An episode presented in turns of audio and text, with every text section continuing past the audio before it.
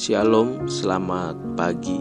Memasuki hari yang ke-22 di bulan yang ke-7 di tahun 2020. Saya berdoa biarlah setiap kita boleh tetap ada dalam anugerah Allah untuk terus berproses dan berprogres sehingga kita terus menuju kepada kedewasaan kehidupan kekristenan kita. Semua orang suka dengan kabar baik atau good news dan tentu saja wajar menghindari bad news atau kabar buruk. Pagi ini kita akan mempelajari dua hal itu dari Mazmur pasal yang ke-68 ayat yang ke-7. Mazmur pasal yang ke-68 ayat yang ke-7 demikian firman Tuhan. Allah memberi tempat tinggal kepada orang-orang sebatang kara. Ia mengeluarkan orang-orang tahanan sehingga mereka bahagia. Tetapi pemberontak-pemberontak tinggal di tanah yang gundul. Kabar baik yang pertama yang harus kita renungkan bersama hari ini adalah kita harus sadar kita punya Allah yang peduli. Bahkan ayat yang barusan kita baca dalam ayat sebelumnya dikatakan bahwa Bapa bagi anak yatim dan pelindung bagi para janda.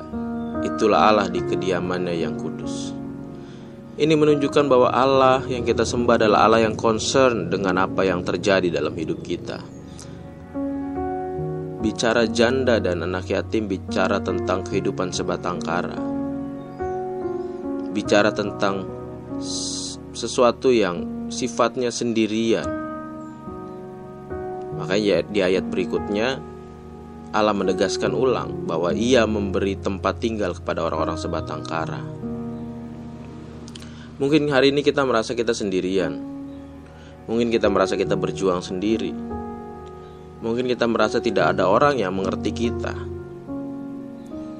Kabar baiknya adalah Allah peduli kepada mereka yang sendirian.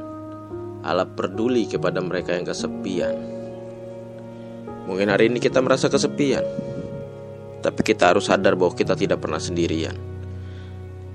Kita punya Allah yang peduli dan memperhatikan detail setiap kehidupan kita. Kabar baik yang kedua adalah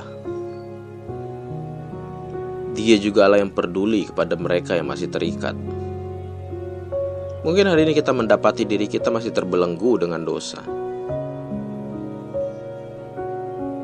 Dalam King James Version dipakai kata He bring out those which are bound with chains.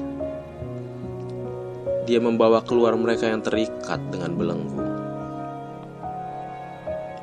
Mungkin hari ini posisi kita ada di sana. Kita orang-orang yang terikat.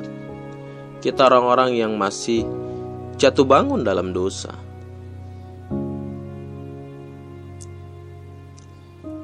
Hari ini kabar baiknya adalah dia peduli. Dia mau engkau keluar dari sana. Dia mau engkau bersedia dibentuk. Dia mau engkau bersedia diproses dan berprogres. Lantas apa bad newsnya? Tetapi pemberontak-pemberontak tinggal di tanah yang gundul. Dalam King James versionnya dipakai kata the rebellious. Dalam bahasa aslinya memakai kata sarar. Yang berarti dalam bahasa Inggris bisa diterjemahkan kepada be rebellious atau be stubborn. Nah, Dua kalimat ini menuju kepada sebuah keadaan manusia di mana menunjukkan sebuah kekerasan hati, kekerasan untuk tidak mau dibentuk, menentang, dan memberontak. Seringkali kita mendengar kalimat "be yourself", dan kadangkala kita salah mengartikan "be yourself" ini. Kita pikir menjadi diri kita apa adanya lalu kita bebas menunjukkan pemberontakan-pemberontakan kita. Kita bebas melakukan apa yang kita mau.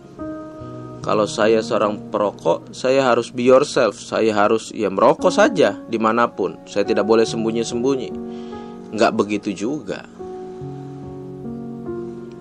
Saya lebih suka kita berpikir untuk menjadi be what God says jadi seperti apa yang Tuhan katakan, bukan apa yang kita mau, bukan apa diri kita sendiri. Mungkin pada akhirnya kita harus menjadi be yourself ketika kita mengerti bahwa jati diri kita adalah imago Dei. Bahwa jati diri kita adalah menjadi serupa dengan Allah.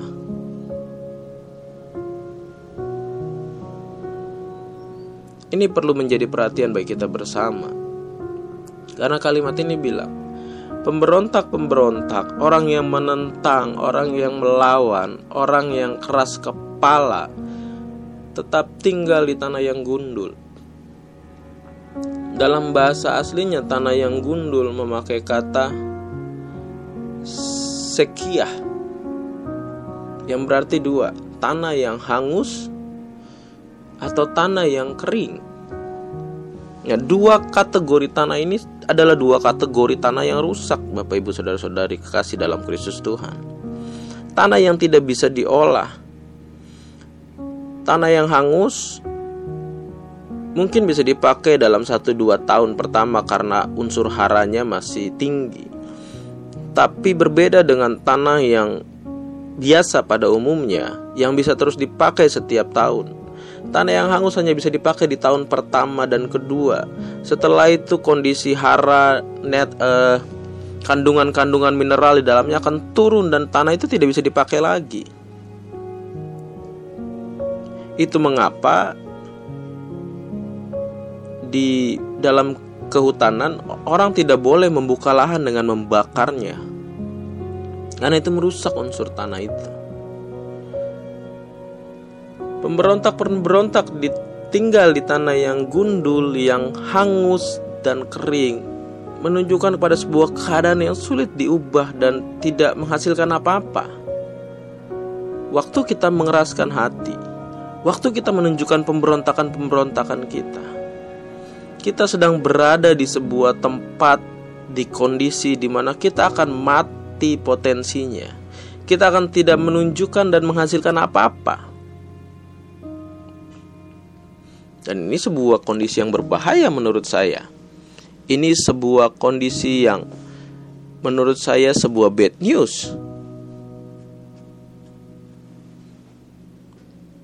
Kalau di bagian pertama kita melihat Allah begitu peduli, bukan hanya kepada mereka yang kesepian, tapi mereka yang terikat dalam belenggu, belenggu apa pun itu. Tapi Allah tidak kompromi dengan mereka yang memberontak. Hari ini mari kita mengecek hati kita masing-masing. Apakah kita mendapati diri kita sendirian? Good newsnya adalah kita tidak pernah sendirian. Allah peduli dan menolong kita. Hari ini kita tetap sedang ada dalam belenggu-belenggu dosa.